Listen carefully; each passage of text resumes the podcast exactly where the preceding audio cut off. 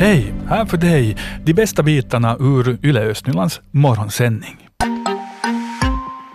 Bärande krafter från Liljendal-revyn är med här i sändning i vår studio. Uh, god morgon och välkomna Janne Sletis och Joel Enqvist.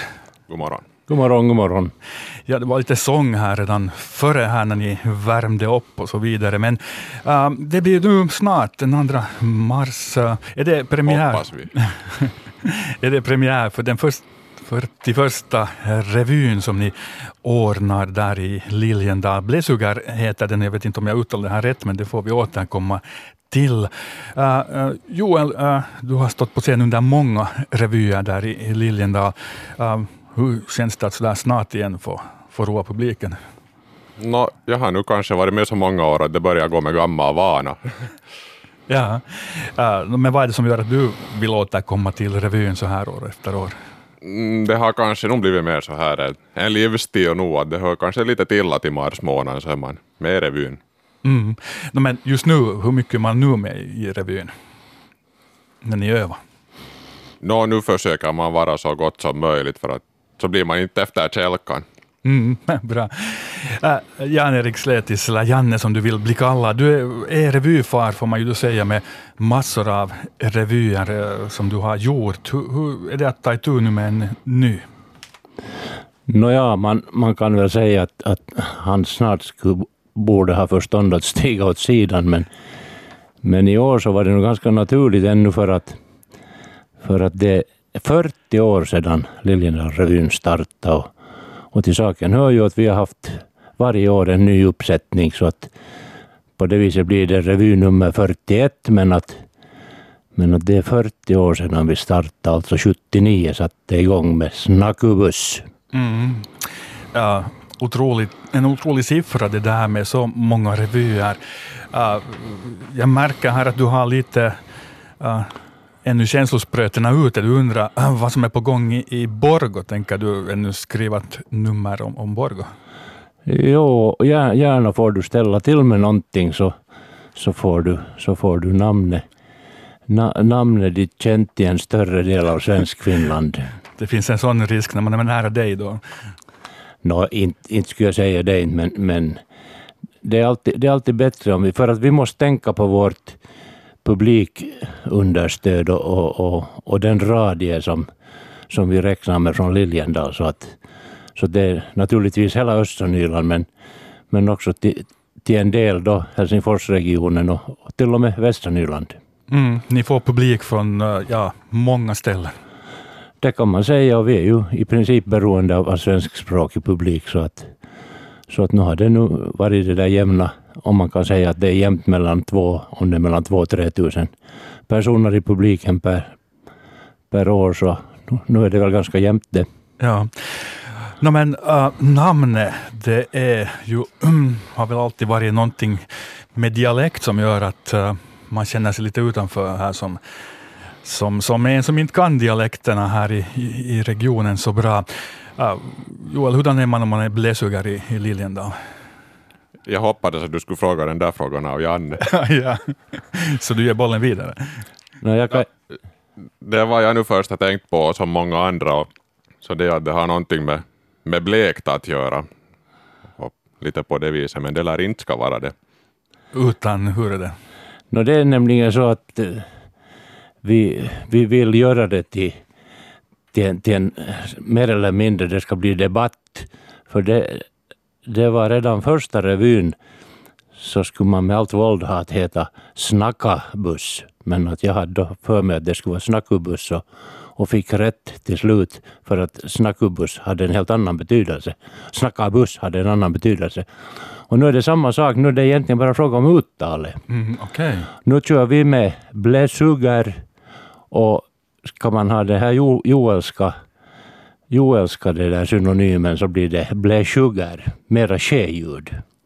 Men att eh, det är nog folkmålsordböckerna som, som ligger till grund för det här, så det är nog inte någonting som, som vi har heller jag kommit på. Så att, men det återstår att se om, om det blir någon skillnad. no, men betydelsen, är den ändå densamma fast uttalet kan variera? No, betydelsen är inte detsamma. Utan det är uttalet som bestämmer om du är bläsju eller om du är bläsu. Du är mera bläsu nu, du nu som har vaknat. Okej. Okay. Ja, det öppnar sig småningom kanske det här för de oinvigda också. Då. No, men, uh, Janne, vad kan du mera berätta om, om innehållet i, i årets revy? No, det är kanske till 67 procent till pappers och, och, och aktörerna är i, igång med, med, med det där scenförberedelserna. Och musiken kommer vi att ha första gången kapellmästaren på plats den 6 februari. Så, så vi hoppas att, att vi är ute i så gott som normal tid. Men att nu för tiden så konkurrerar vi nog så mycket med, med, med våra andra hobbyer och, och, och, och, överhuvudtaget så, så jag har börjat köra med det här att vi lever i en ego, ego-tid. Att vi ser till att många sådana personliga och individuella saker går före. Att vi, vi har inte riktigt klart för oss hur vi ska prioritera.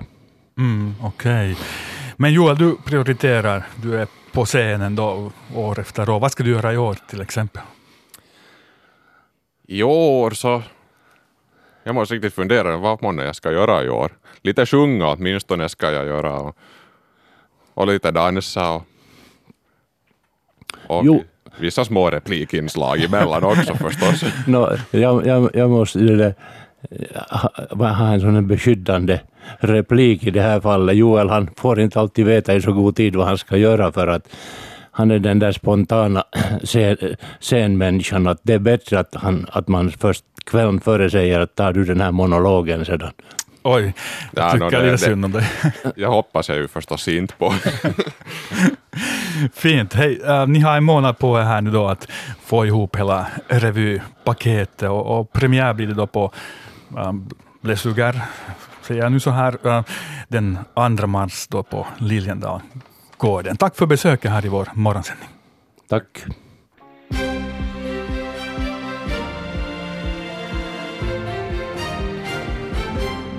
Klockan är halv åtta, dags för senaste nytt från regionen Östnyland. Jag heter Stefan Härus. God morgon.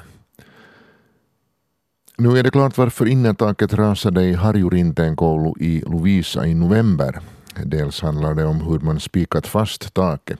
Bland annat har det funnits spikar som suttit för tätt och spikar som har gått in bredvid det de skulle fästa i. Det har också funnits brädor som spruckit och därmed har, det inte, har de inte suttit fast ordentligt. Man antar också att mängden blåsull kan ha varit för stor vilket satte press på innertaket. Och igår började man riva de byggställningar som rasade över bygget av, den, av det nya högstadiet i Lovisa. Orsaken till varför hälften av byggställningarna med hölje rasade i lördags har inte ännu klarnat. Det man däremot vet är att bygget kommer att försenas eftersom det tar tid att röja upp efter olyckan. Enligt planerna ska eleverna flytta in i det nya skolhuset då läsåret 2019-2020 inleds i augusti. Och mera skolfrågor från Lovisa. Förskoleverksamheten i Pärnu kyrkoby och Haddom skola i Lovisa får trots allt bli kvar i skolorna. Förslaget i nämnden för bildning och fostran var att förskolorna istället skulle placeras i Forsby skola respektive Generalshagens skola. Ett motförslag från Christian Willner, obunden SFP, var att förskoleverksamhet under nästa läsår trots allt skulle arrangeras i skolorna. Willners förslag fick fem röster i nämnden medan utgångsförslaget fick en röst. Så till Borgå där staden för snart nio år sedan inrättade den femte nationalstadsparken i Finland. Igår godkände stadsfullmäktige i Borgå en skötsel och nyttjandeplan för parken. Planen ska nu skickas till miljöministeriet för att godkännas. Nationalstadsparkens mål är att garantera att grönområdena i stadens centrum och de nationellt betydande naturområdena och kulturmiljöerna bevaras. Den man och den kvinna som i december 2017 rånade livsmedelsaffären på Alexandersgatan i Borgo Ärkiosken i Vårberga i Borgå samt en köksaffär i Lovisa dömdes igår i Östra Nylands tingsrätt till två år och tio månaders ovillkorligt fängelse. Det här skriver tidningen Osima idag. Rånarna hade vid rånen hotat med kniv och knarksprutor. Rånarna ska också betala totalt 5 000 euro i olika ersättningar. I riksnyheterna den här morgonen bland annat om att de framkomna problemen vid privata vårdhem har lett till beskyllningar om att kommunerna saknar kunskap om upphandling. Vid Kommunförbundet anser man att anklagelserna är oriktiga. Och vädret är idag mulet, det är uppehåll. Under förmiddagen spricker molntäcket upp och dagstemperaturen mellan 2 och 4 minusgrader. Ja, igår um, var det en hel del människor som stod och ryckte till dörrarna till eh, busstation och Matkahuolto i Borg och Det blev en hel del förundrade miner och också små ilskna gester. För informationsgången den har nog inte varit den allra bästa när det gäller hur snabbt eh, Matke Huolto satte lapp på luckan. Och det här kom som en överraskning för många, inte bara för då resenärer, äh, också för stadens äh, politiker och tjänstemän. Vi ska ta oss till busstationen.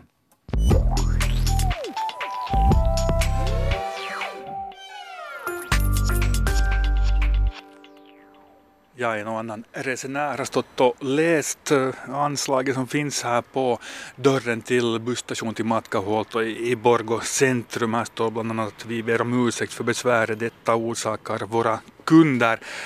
Paketupphämtningarna och sändningarna de sker på Timmermans gränd 9 i Borgå. Biträdande statsdirektör Fredrik von Schultz, det är ganska långt bort från Borgå centrum det. Jo, det är en bit från torget det, det är det faktiskt. Uh, hur tror du Borgåborna reagerar på det här? Det är klart att när man är van med en service som har funnits i absoluta centrum och, den flyttas längre bort så är det säkert någonting som, som folk inte blir glada över. Blev du överraskad över att man så här snabbt satt eh, lapp på luckan här? Ja, det blev jag nog. Jag hade ingen aning om att, att det var något så här akut fel med den här byggnaden. Vad betyder det för Borgå stad att vara en stad utan busstation? Nå, som tur så är ju den här busstationen mitt i stan så det finns ju möjligheter att, att få service. Vi har kaféer här runt torget och, och, och, annan service också så, så det där, jag hoppas att resenärerna kan utnyttja den. Att få biljetter och, och så här, det kan ändå bli besvärligare? Jag har förstått att man kan köpa biljetter i bussarna och sen så elektroniskt förstås, så månne inte ska lösa sig. Har, ni, ja, har Borgå stad redan diskuterat frågan med Matkahuolto? Nej, jag har inte ännu varit i kontakt med Matkahuolto, men jag, jag, hoppas att det kommer att lösa sig på ett sådant sätt att, att det är möjligt att trafikera härifrån också i, i framtiden på ett smidigt sätt. När du säger i framtiden, ja, det görs upp planer för hela torgområdet och för Borgå centrum. Det är nu då att här kanske då står en obrukbar busstation i, i många år. Hur ser du på det? Nå, byggnader som inte är i bruk i stadskärnan så det är ju aldrig en bra sak. Men att som sagt så, det där, så vi har ju planer för att utveckla det här torgområdet och, och, och det kommer säkert att bli förändringar vis och vi också gällande det här området det här, där den här byggnaden står just nu. Uh, det, vi håller ju på med en detaljplaneändring för torgområdet men att detaljplaner tar ju alltid sin tid att göra, göras upp och, och vi talar om minimi ett år för, för det. Vidare så det där ville stadsutvecklingsnämnden att, att vi undersöker också alternativa platser för, för busstationen, bland annat tomten bakom stadshuset och, och sen den här Elanto-tomten. Ja, blir det mera fart på planeringen nu när det har gått så här? Vi för planen vidare så raskt som vi kan för att, att torget är ju ett centralt område och, och, vi vet att det finns ett tryck på att, att förnya och få en, en förnyelsetillstånd här i centrum. Om du visionerar, vad, vad tycker du en busstation borde finnas i Borgå? Absolut centralt beläget här i, i, antingen på torget eller i absoluta närheten av, av torget för att det är viktigt att människor kan kunna komma till centrum och, och, och sen också resa bort härifrån. Så alltså statsdirektör, biträdande statsdirektör Fredrik von Schultz där vid, vid busstationen igår mitt på dagen. Äh, jag har också talat med äh, Matkahuolto och deras operativchef Jari Vainio och han säger då så här ungefär att, att äh, för oss så är nu utgångspunkten den att den här veckan då hitta en plats nära torget för uh, kundbetjäning. Det betyder väl biljettförsäljning kan jag tänka mig. Uh, en, en tillfällig lösning säkert, men eh, uh, de är på gång med det. sen hörde vi ju här då att det ska bli en ny detaljplaneändring för hela centrumområdet, torget. tidtabellen den går kanske då inte att försnabba då, trots behovet av ny busstation. Just nu funderar då planerarna på tre olika alternativ för en busstation bakom Stadshuset, på torget eller då på den så kallade Elanto-tomten. Um, ehm, Fredrika, vi har ju gått ut här i, i sociala medier och frågat uh, ösnylänningar om, om var uh, de tycker att en busstation i Borgå kunde finnas. Det har kommit in lite andra förslag än, än de här tre. Mm. Nu här är en till exempel på Facebook som säger att står det inte en tom lokal på Lundagatan bakom nuvarande byggnad? Och i Lund finns också tomma lokaler, liksom på Brunnsgatan i Markplan i Stadsparkens ända. Nej, det här kan ju inte vara omöjligt att fixa, tycker den här personen. Sen här är en annan också som säger att jämna byggnaden med marken fortast möjligt och hämta dit x antal baracker. De duger bra för skoleleverna också. Kanske lite skämtsam släng där på slutet. Ja. Exakt, det är en uh, sån släng där. Uh, det handlar väl om två skilda saker. Dels nu att få det att rulla igen, hitta en tillfällig lösning. Sen förstås då mer att bygga upp en mm. ny busstation med perronger och allt det här, det är en annan fråga. Mm. Det här med baracker tycks vara ett uh, populärt alternativ. Där kommer på vår webbplats också en kommentar där en undrar att kanske det finns någon ledig skolbarack som man kan sätta där mellan kaffebussarna på torget. Uh, sen här också en som föreslår en kanske lite mer radikal lösning. Ypperligt tillfälle att flytta busstationen till Kungsporten. Där finns finns det plats. Bussar kan ju ändå köra via centrum, men nej, man kan ju inte förstöra tomter i Kungsporten, konstaterar Skimmer här på vår webbplats. Mm, jag har en liten pik där på något sätt. Men äh, Fredrika, Kungsporten, skulle det funka? Nå, varför inte? Nu kan man ju alltid vara kreativ. Personligen så skulle jag kanske tro att det är lite för långt från centrum. Att man borde då ha någon slags trafik sen då som går från Kungsporten in till centrum också, att, att man därifrån sen kan ta sig till butiker och, och så vidare bortåt. Men, men varför inte? Ja, en skytteltrafik därifrån. Åtminstone skulle företagen vid Kungsporten, de skulle säkert inte ha något emot det där förslaget. Ja, det var många Lovisabor som igår samlades i Lovisa ishall då för att fira den nyblivna juniorvärldsmästaren Teemu Engberg. Och vår reporter Hedvig Sandell, ja, hon var på plats när han klev in på den röda mattan.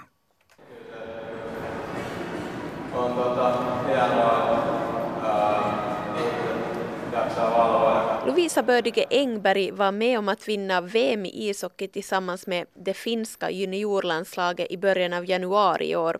Och det här ville Lovisa stad och ishockeyföreningen LJK uppmärksamma. Petri Uotinen som är ordförande för LJK tror att en orsak till Engbergs framgång kan ha att göra med föreningens möjlighet att erbjuda träningstid på isen. Vi har så stora eh, möjligheter att, att vara på isen.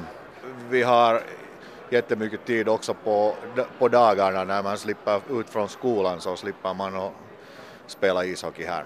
Vad betyder det för LJK att eh, Teemu Engberg nu har vunnit juniorvärldsmästerskap i ishockey? Det är så stor sak till Lovisa att, att man kan inte ens eh, säga hur stort är det men, men det där, vi har alltså fått mera publik till Facebook och, och till Instagram och, och, och, nya juniorer kommer hela tiden in, in i laget så att det, det tillverkar till jättemycket. Hur mycket märker ni att det här har engagerat era ishockeyjuniorer på träningar överlag? Det kämpar mycket de att, att de får också styrka av det här VM-mästaren. Vad skulle du säga att har varit avgörande för hans framgång? Motivation. Det har varit jättehög. Alltså när andra, alla andra spelare var på sommaren och tog solen och spelade på stranden så Teemu löpade och, och det där gjorde styrka och, och, och det där, alltså den där motivationen har varit mycket, mycket hög. Nu står jag här med tioåriga Oskar Aaltonen som själv också spelar ishockey i LJK. Och du Oskar, du träffade nyss Teemu Engberg. Hur var det? Uh, ganska roligt. Vad hände? No, ingenting extra, jag tog en bild och fick jag nimma den. Hur häftigt var det? Ganska häftigt.